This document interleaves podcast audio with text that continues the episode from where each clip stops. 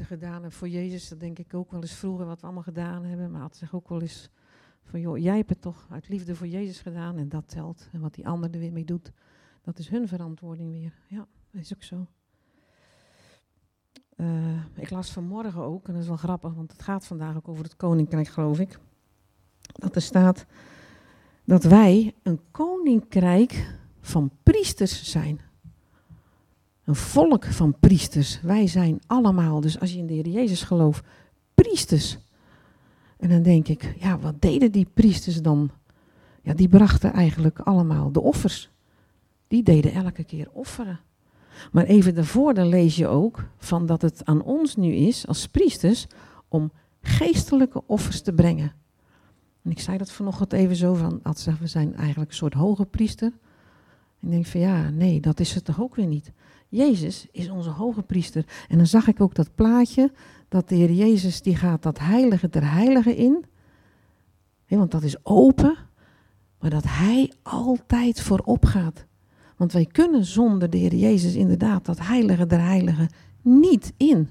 En daarom bidden wij ook tot God de Vader in zijn naam. In Jezus' naam. Want die heeft die weg opengemaakt. En, en, onze offers zijn dus inderdaad geestelijke offers. Dat staat er ook ergens. Doet dat dan allemaal weg wat slecht is. Liegen, bedriegen, jaloersheid, kwaadspreken. Daar moeten we wegdoen uit ons midden. En dat zijn gewoon geestelijke offers die we doen. Zodat we heilig voor Hem worden. Dat zijn onze offers die wij mogen brengen. Ergens staat er in Romeinen 12 geloof ik ook dat ons leven is als een levend, heilig, God welgevallig offer. Dus zoals we leven, is ons offer aan Hem. Wij zijn priesters. Een koninkrijk van priesters. Bedenk dat wel. Ze zeggen wel eens. Uh, dankjewel, Machtel trouwens. Als, uh, als ik lekker eet, dan zit ik altijd te neurien. Dan zit ik te zingen zo. Dat betekent dat ik het naar mijn zin heb. En ik realiseer me, ik loop hierheen en hoor mezelf neurien. Dus ik heb het nu ook naar mijn zin. ja. Wat de liederen hebben gezongen. Hè? God heeft een plan, plan, plan. Echt een wereld superplan. We weten dat hij alles kan. Wat een mooi lied. Hij, de grote koning, heeft de wereld in zijn hand. Koning met eer gekroond. Zie, ik kom spoedig terug. Nou, dat is mijn preek. Amen. Koffie. Maar dat is het. Wij hebben een koning die regeert. En uh, ik word nogal geconfronteerd soms met allerlei filmpjes en mailtjes van oh, oh, oh. Als je in laat enten, dan ga je naar de hel. Uh, maar geen nood, want ik ben een uh, prediker en ik kom wel bij je langs en dan ga ik de macht van het vaccin verbreken. Ik krijg van allerlei dingen over me heen. En nu is het einde. Jongens, dus ik denk, moet ik er nou ook nog wat over zeggen? Want iedereen moet er wat over zeggen, zo nodig. Ik denk, ja, ik moet er iets over zeggen. En ik heb het niet over, heb je gehoord van de Great Reset van iedereen en zo, economisch forum en al die toestanden. Er is een heel andere reset, Gods reset. En daar wil ik even met u over nadenken, maar daarvoor wil ik bidden. Vader, in Jezus' naam, dank u dat we vrije toegang hebben tot de troon van uw genade. Dat we zomaar binnen mogen komen, dat u ons hoort, ziet, meewerkt, dat u onze grote koning bent. Dank u voor de liederen, heren, die gezongen zijn en die gecomponeerd zijn tot uw eer. Want u hebt alles in uw hand. U bent de Almachtige, de schepper van hemel en van aarde, de herschepper van onze ziel. U bent degene die was, die is en die komen zal. Heer, en u komt spoedig. Dank u wel, Heer, dat u alles in uw hand hebt. Niet de wereld, maar u. Leer ons, Heer, deze morgen. Onderwijs ons, Heer, op wie we moeten vertrouwen. In de naam van Jezus. Amen. En ik wil u eigenlijk even meenemen naar 6000 jaar geleden. Ik wil eigenlijk even kort, niet te lang, zegt dat is veel te veel allemaal. Ik vind ze altijd dat ik veel te veel zeg. Maar even 6000 jaar geschiedenis van de mensheid wil ik u even meenemen. Want wat vandaag gebeurt, is al natuurlijk tien keer eerder gebeurd. Dus ik wil even 6000 jaar wereldgeschiedenis met u doornemen. Dat is even iets anders dan een gewone preek. Is dat goed? Even 6000 jaar geschiedenis. 4004 voor Christus. Wat gebeurde er? Volgens de geleerden. de zondeval. De mens keerde zich om naar God en zei: Wij doen het wel. En toen gaf God een grote reset in een belofte. Welke belofte gaf God al in Genesis? De moederbelofte. Jezus, ik stuur een verlosser. Het zaad van de vrouw zal het zaad van die duivel overwinnen. Hij zal hem de kop vermorzelen. Hey, God gaf een reset. Hij beloofde de, de echte reset. De verlosser. Hij beloofde dat. Maar het volk, de wereld ging weer de verkeerde kant op. Er was niet één mens meer die goed deed. Het was gruwel, geweld, moord, doodslag, verkrachting, misbruik, pornografie, kindermisbruik, stelen, liegen, bedriegen. En er was nog één gezin wat een beetje rechtvaardig was. Misschien heel rechtvaardig. Dat was Noach. Met zijn kinderen. En God zond de zondvloed. God zegt, ik ga de wereld resetten. Hey, God reset de wereld. Hè? Eh, Klaus Schwab niet. Het Europees Economisch Forum niet. Bill Gates niet. Met zijn plantjes met al die DNA erin. Hij heeft weer grond gekocht, las ik pas weer. Dan gaat hij plantjes, slaapplantjes kweken. Er zitten dan van die minuscule dingetjes in. Als je het eet, dan word je geprogrammeerd. Maar veel christenen geloven dat. Toen keerden de mensen weer God de rug toe. Ze zeiden, we gaan een toren bouwen. Het zal ons niet nog een keer gebeuren. Wij, wij gaan met onze wetenschap en techniek een toren tot in de hemel bouwen. En God gaf een grote reset. Hij zegt, oh ja, ik zal zorgen dat jullie elkaar niet eens meer verstaan. Hij stuurde de grote spraakverwarring. En toen vele jaren later was een volk van God uitgekozen via Abraham, Isaac en Jacob. Trouwens, wij geloven in de God van Abraham, Isaac en Jacob. Wij geloven niet in de God van Abraham. Nog eens zeggen? Er zijn mensen die geloven in de God van Abraham. Maar dat is een andere God dan de God van Abraham, Isaac en Jacob. Leg het uit. Er zijn heel veel mensen die hebben Abraham als geestelijke vader. Maar geloven niet in de God van Abraham, Isaac en Jacob. En de verlosser die uit Jacob voort zou komen, uit Israël. Daar geloven ze niet in. Dus let wel in welke God je gelooft. Maar goed, dat volk van God, dat werd als slaven behandeld, mishandeld in, Egypte. En God zond Mozes een grote reset voor het volk. En hij bevrijdde ze, hij leidde ze naar een beloofd land. God is steeds aan het resetten. En hij heeft mensen op het oog. En iedere keer laat hij dingen gebeuren in die mensenlevens dat hij zegt, hey, ik ga me met jou bemoeien en ik ga jou resetten. Kom. Hij zei het al tegen Adam toen hij wegkroop. Adam, waar ben je? En misschien ben u ook iemand die wegkruipt voor God. Misschien zegt u, God, u mag mijn vinger, maar niet de hele arm. En God zegt, hé hey, Adam, waar ben je? God zoekt jou. God zoekt jou, keer op keer op keer. God zoekt zijn volk keer op keer op. En keer op keer is de les van de geschiedenis dat het volk zegt, ik ben druk God. Ik ben met mijn werk, met mijn hobby. Ik, moet tv kijken, ik moet uh, mijn tuin spitten, ik moet mijn auto wassen, ik moet naar kleren kopen. Het volk van God dat keerde zich weer tegen God. En God die zei, ik ga je verstrooien. En de grote ballingschap kwam. Syrië, Assyrië, Babylonië. Maar God die zei, over 70 jaar ga ik je terugbrengen. Ik ga de reset geven. En hij, hij verwekte een koning Chorus. En koning Chorus die las de oude geschriften en die zei, jullie moeten terug. Je gaat een tempel bouwen tot de eer van de God van jullie. God is aan het bewind. Niet koning Chorus, niet de Babyloniërs, niet Nebukadnezar. Toen kwamen de Romeinen, de heersers over de hele wereld, Pax Romana, de vrede van Rome. Hé, hey, die kan je krijgen, vrede. Vrede van Rome. Als je doet wat Rome zegt, en de keizer accepteert en een beetje aanbidt en wat belasting betaalt, dan heb je rust, vrede en blijdschap. Dat dachten ze. Maar in het jaar nul, toen was er een keizer. Hoe heette de keizer? Tinus. Ah, kijken of jullie al wat geleerd hebben op zonderschool. Hoe heette de keizer in het jaar nul? Nou, jij bent geen tiener. Augustus, wel eens van gehoord? Is een maand na verdoemd, Augustus.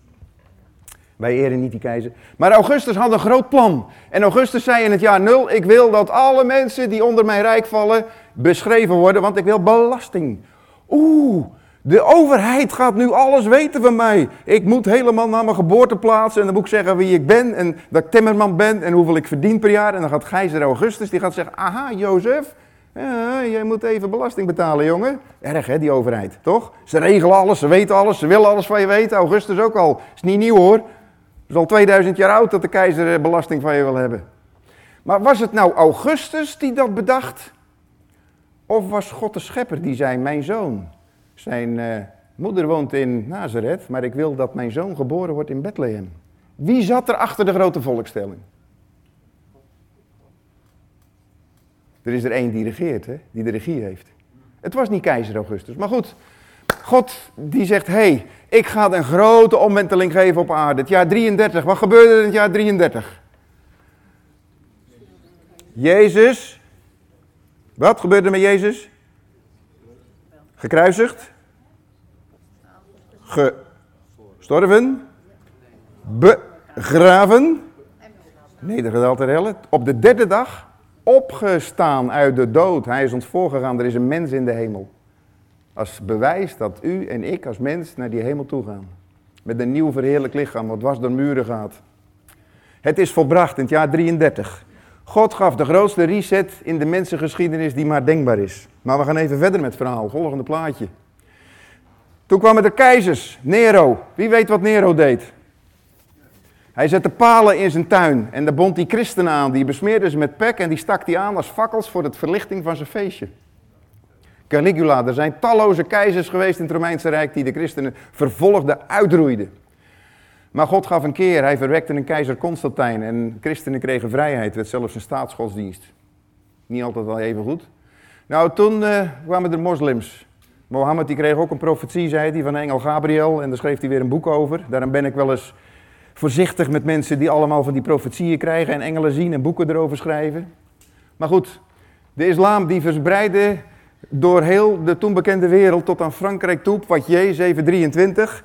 En als Karel Martel niet geroepen was om de moslims te verslaan bij Poitiers, waren u en ik vandaag de dag moslim. Weet u dat?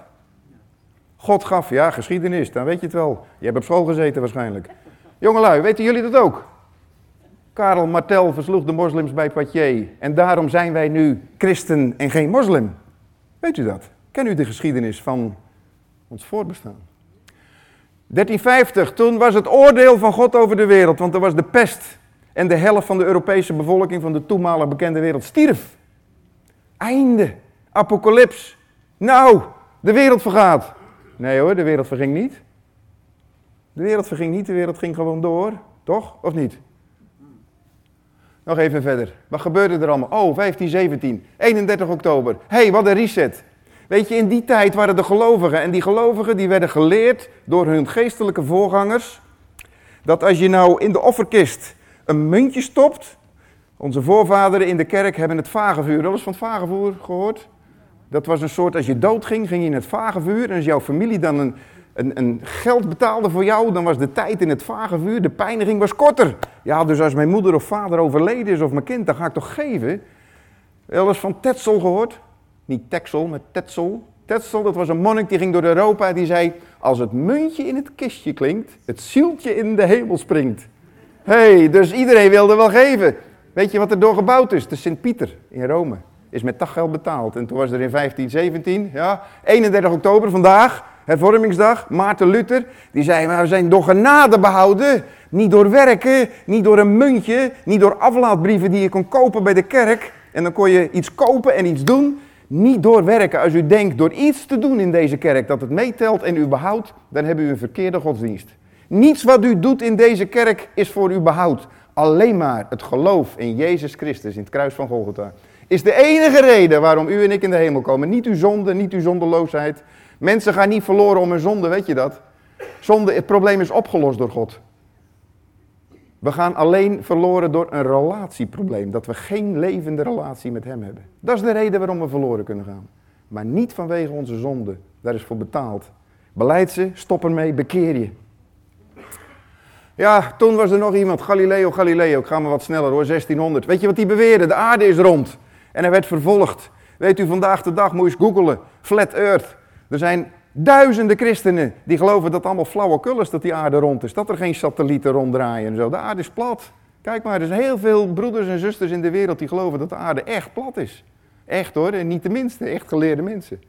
Maar goed, gaan er niet te ver op in. 1665, Londen, staat een filmpje van op YouTube. De helft van de Londense bevolking stieren van de pest.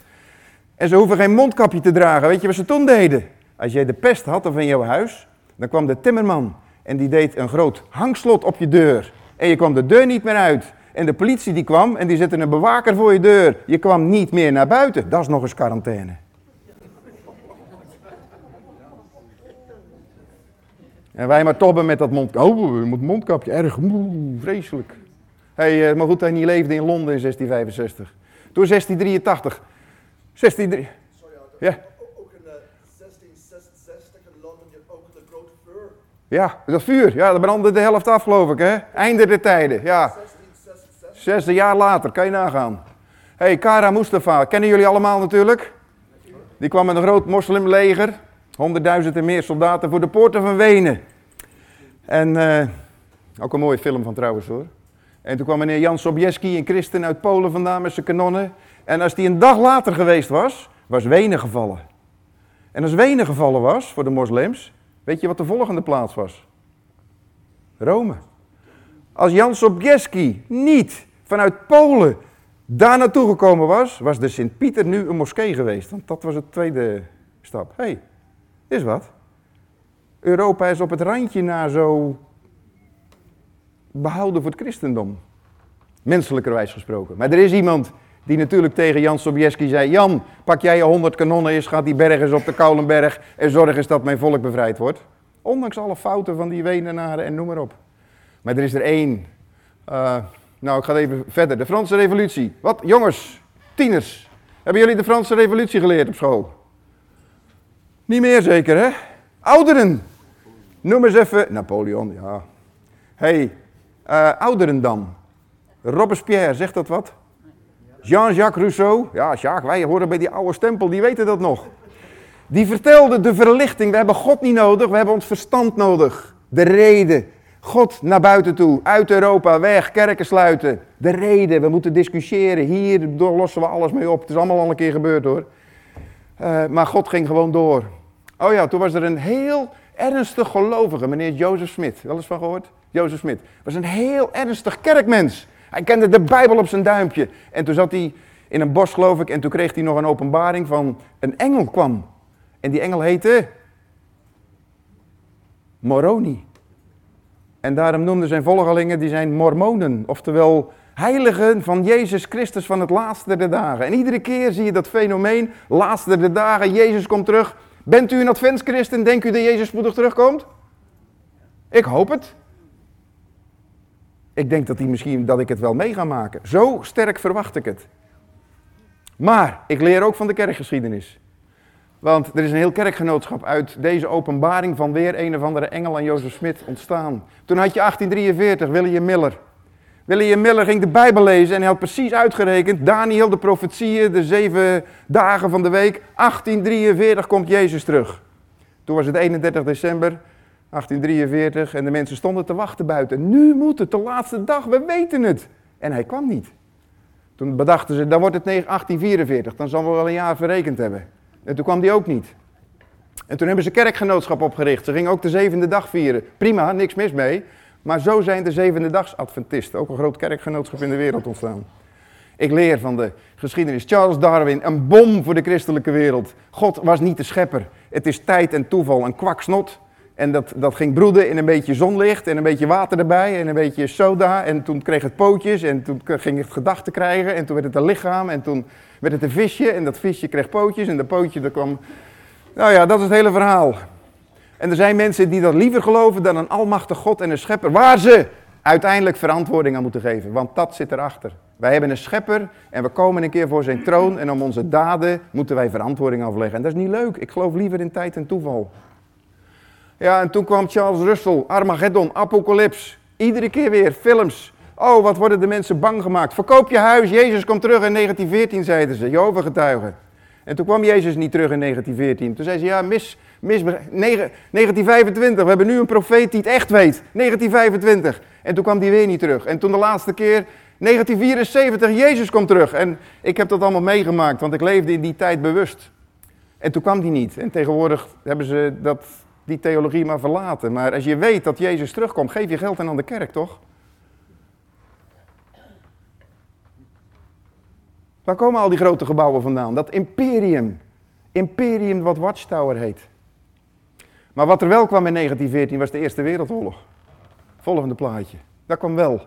En toen de Wereldoorlog afgelopen was, de Spaanse griep. Weet je hoe erg dat de Spaanse griep was?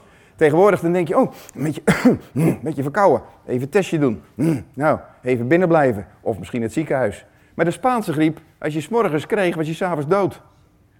Er stierven 50 miljoen mensen. In de Eerste Wereldoorlog 15 miljoen slachtoffers. In de Wereldoorlog, maar dan de Spaanse griep 50 miljoen. Meer is drie keer zoveel als een hele Wereldoorlog. Dit is het einde, zei iedereen. De toren van God over de wereld. Ja, toen, Hitler, heb ik niet meegemaakt, 40, 45, zijn duizendjarig rijk. En God die zei van, ho, wacht even. Tot hier en niet verder.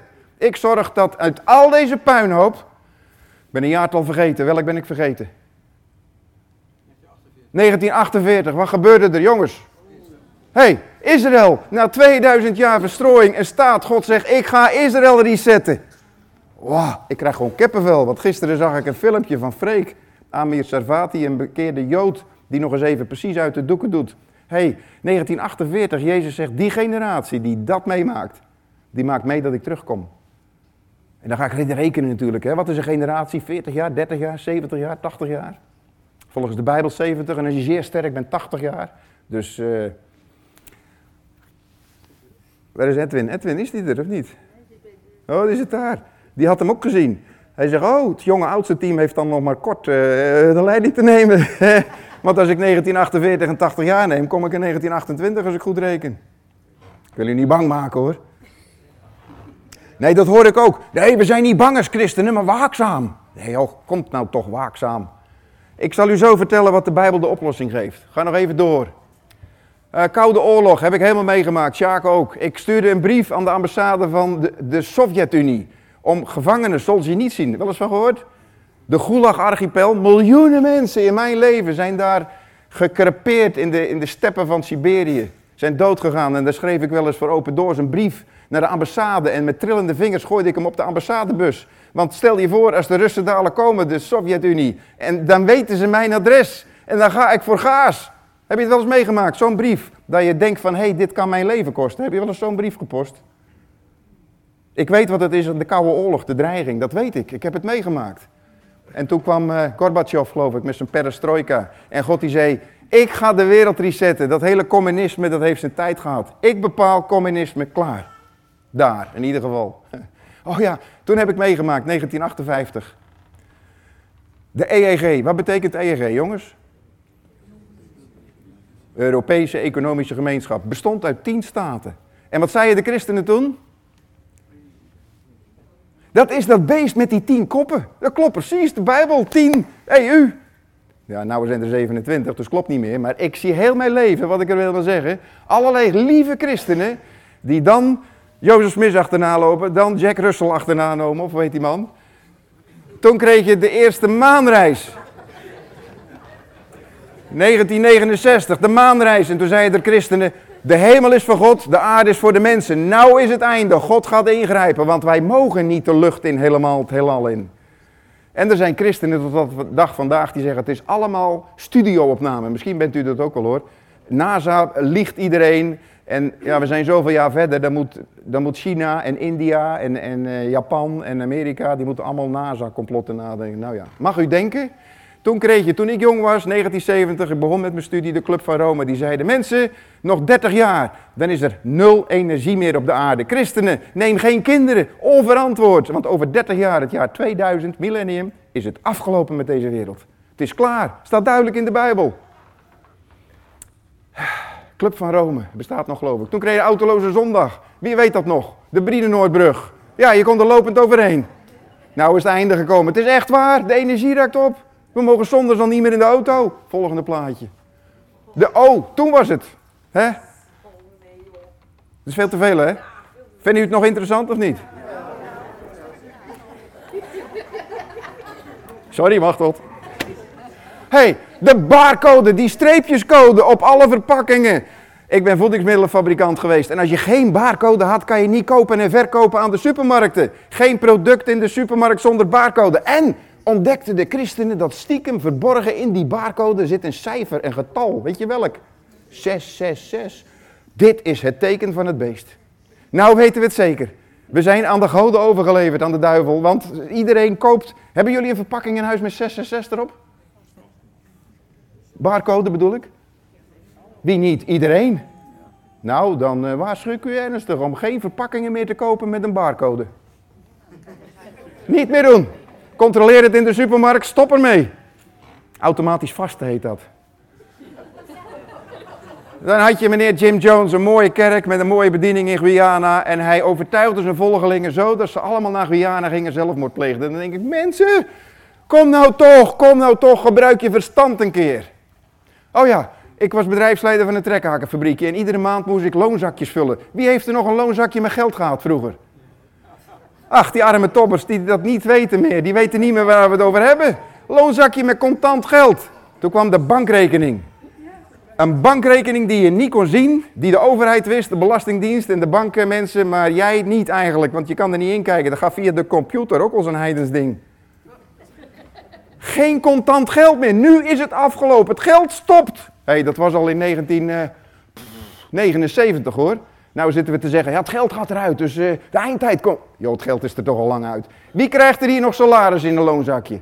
Behalve degene die zwart krijgen. dus we doen allemaal mee. We doen allemaal mee. Maar hebben die bank het nou in de hand? Of heeft onze schepper het in de hand, denk je?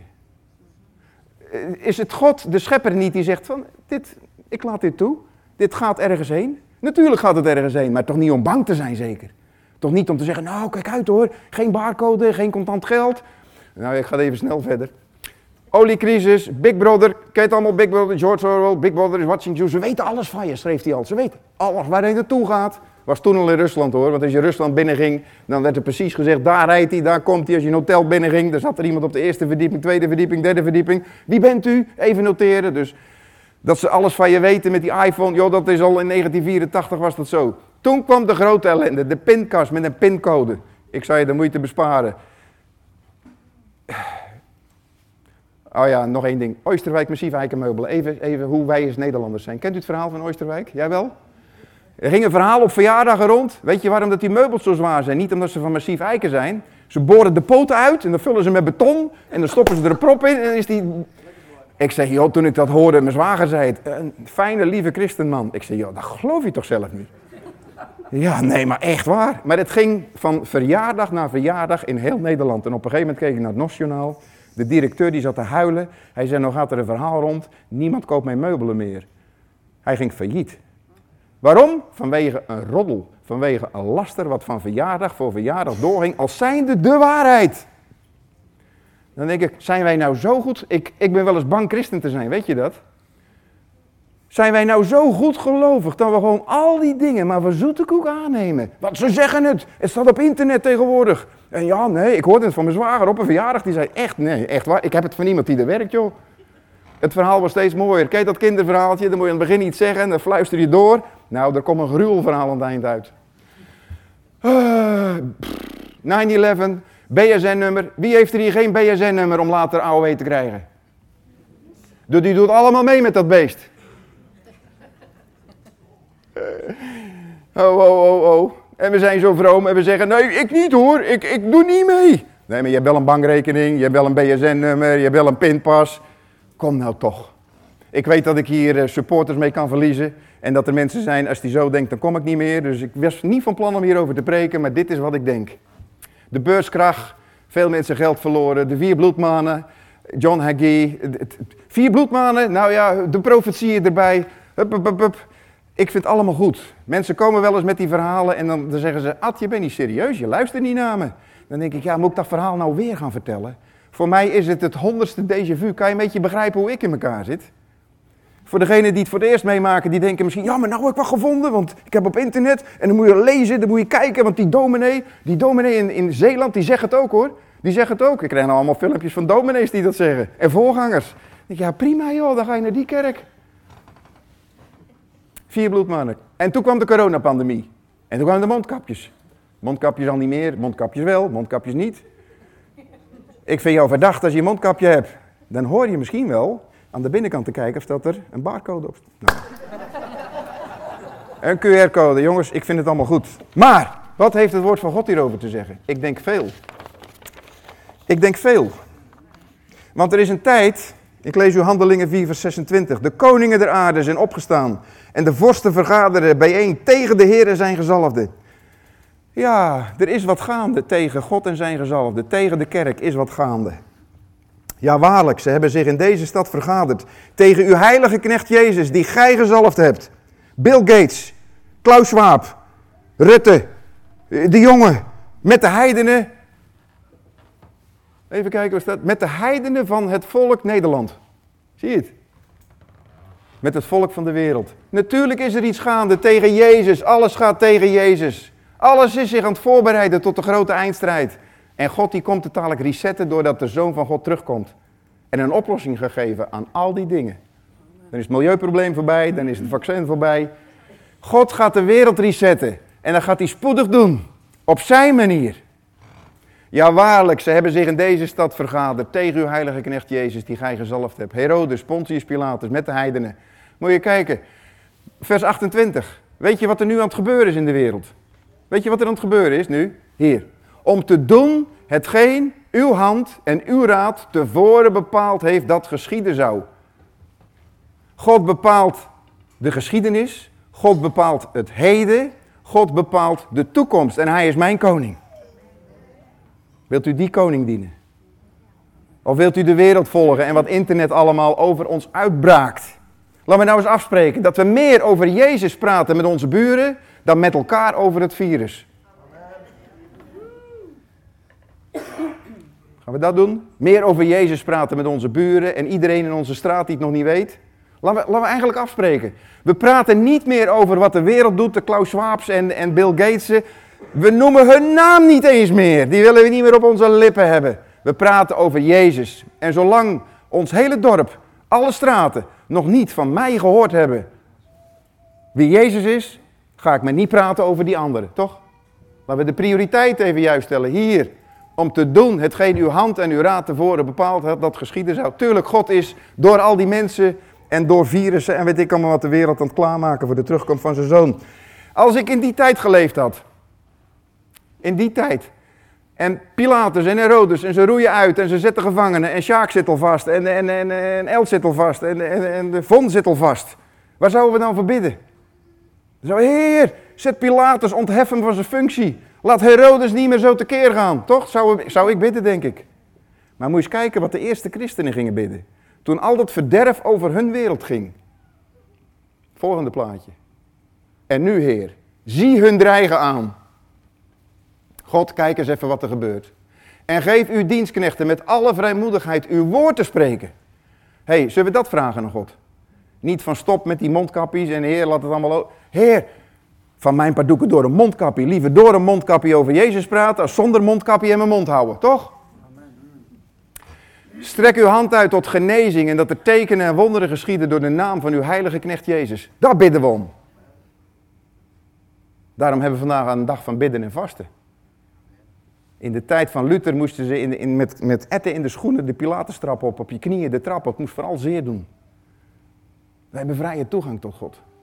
Zullen we daar geen gebruik van maken?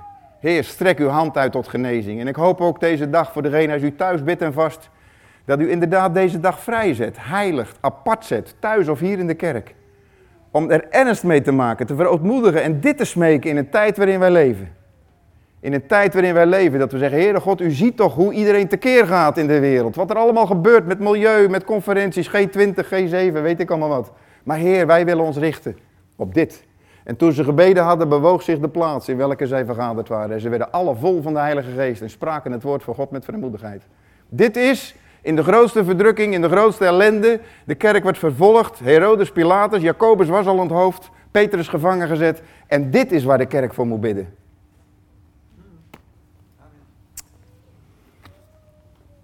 Is in ieder geval één het met me eens in de kerk. En het volgende vers wil ik u meenemen, een paar versen, kan nog. En Jezus zei tot hen, kunnen soms bruiloftgasten treuren zolang de bruidegom bij hen is? Want de discipelen vasten niet. Er zullen echter dagen komen dat de bruidegom van hen weggenomen is, dan zullen ze vasten.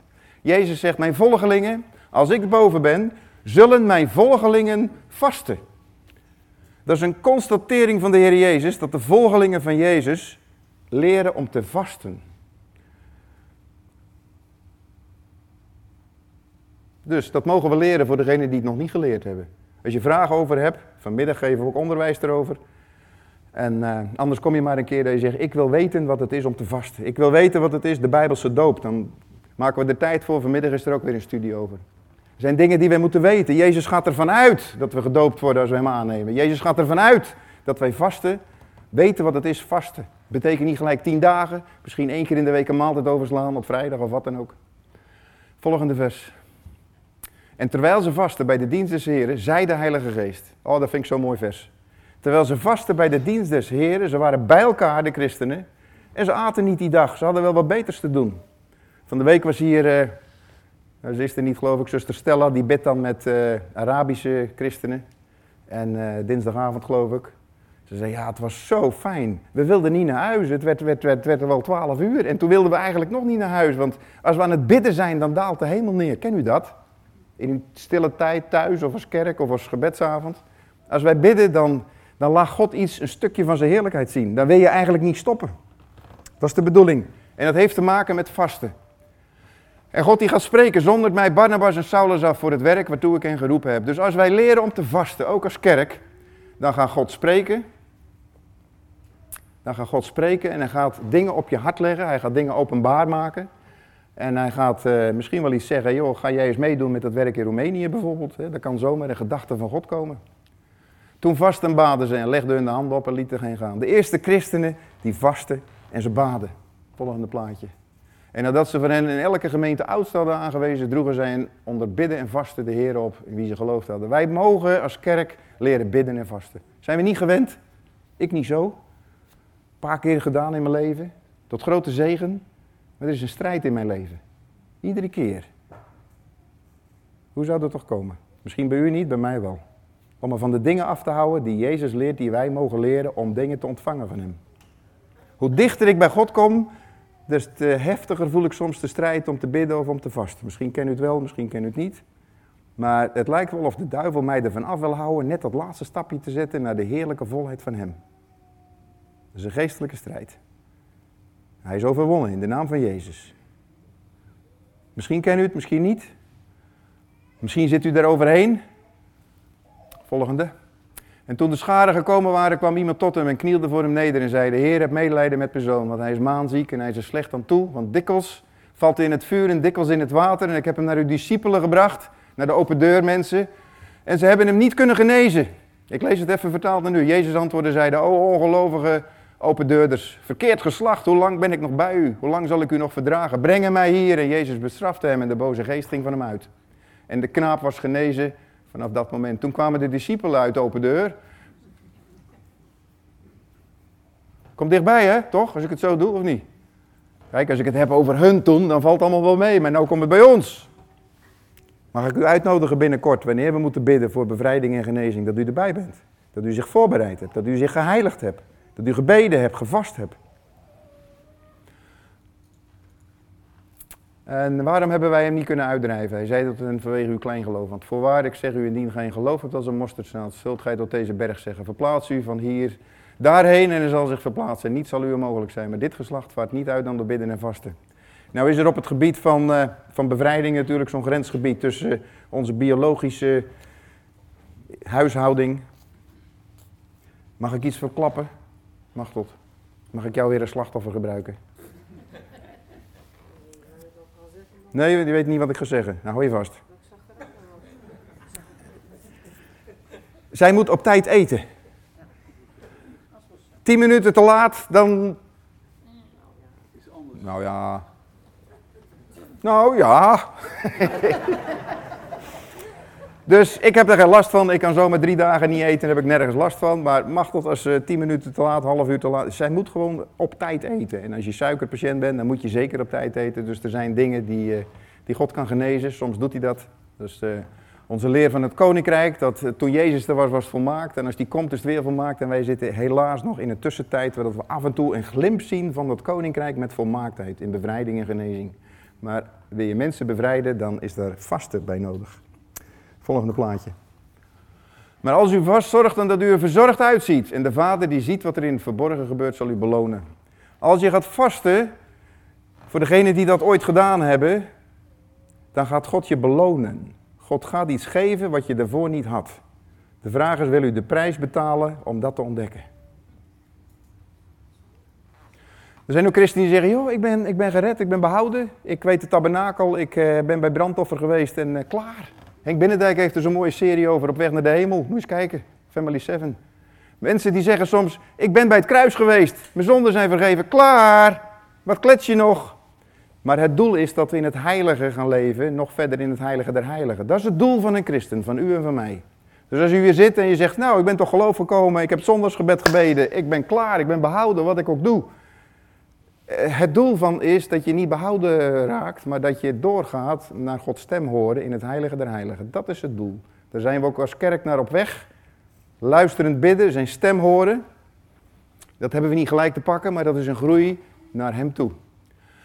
Ja, en dan Joel zegt, heiligt en vaste, roept een plechtige samenkomst bijeen. Vergadert gij oudste alle inwoners van Steenbergen, van de omgeving, tot het huis van de Heer uw God. En roep luid tot de Heer.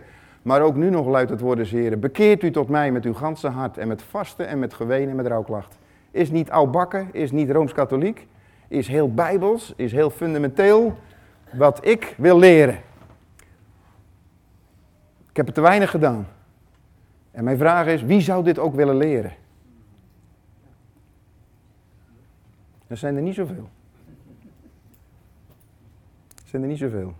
Ik denk, ik heb een preek met een uitdaging dat u zegt, nou ga ik het toch wel een beetje vatten. Maar het kan zijn dat u door het eerste deel van mijn preek helemaal afgehaakt bent. En dat we volgende week met tien mensen zitten. Dat zou kunnen. Maar bidden en vasten. Vandaag gaan we er vanmiddag mee verder. We gaan dadelijk koffie drinken. Klein beetje het vasten breken. Ik ben niet zo wettisch dat ik zeg, nou doen we het helemaal niet. Maar ieder doet dat voor wat hij zelf in zijn hart voorgenomen heeft. En uh, we gaan er in ieder geval voor bidden, dat we dat mogen leren toepassen. Dat God gaat spreken, de Heilige Geest. Toen de eerste christenen gingen bidden en vasten, begon de Heilige Geest te spreken. Dat, dat zegt de Bijbel. Dus laten we bidden. Vader, ja, u bent koning. U bent onze koning, u bent mijn koning. U bent de Heere der Heren, de koning der koningen. En u komt spoedig. En we bidden ook dat u spoedig komt om een verlosser te zijn van deze hele wereld. Om een bevrijder te zijn van ieder die nog gebonden is. Om een genezer te zijn van ieder die nog ziek is. Heer, we komen bij u. Tot wie zouden we anders heen gaan? Heer, we hebben van de wereld niet te verwachten de oplossingen van de problemen. Maar u, Heer, gaat de wereld herstellen. U komt, Heer, met macht en majesteit om te doen wat de mensheid niet in staat is. Dat is gebleken in 6000 jaar mensheid. Iedere keer poogden de mensen tot iets en het liep tot niets uit. En iedere keer moest u komen, onze God, onze schepper, om herstel te brengen, om verlossing te brengen, om richting te geven. Heren, we komen tot u met een open hart. Om u te vragen, Heer, leer ons bidden. Leer ons vasten. Heer Jezus, u hebt zoveel in uw boek erover gezegd. En we willen gehoorzame volgelingen, leerlingen van u zijn. Heer, u begon uw bediening met 40 dagen vasten. Heer, leer ons. Leer ons, Heer, om dat toe te passen, omdat u dingen gaat doen die u anders niet doet.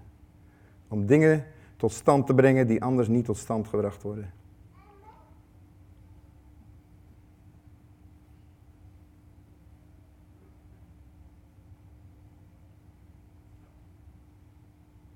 Heer, u weet voor een ieder zoals we hier zitten welke stappen wij persoonlijk moeten nemen. Uw geest overtuigt ons van binnen. Heer, spreek dan, Heer. Wij, uw kinderen, willen horen naar uw stem.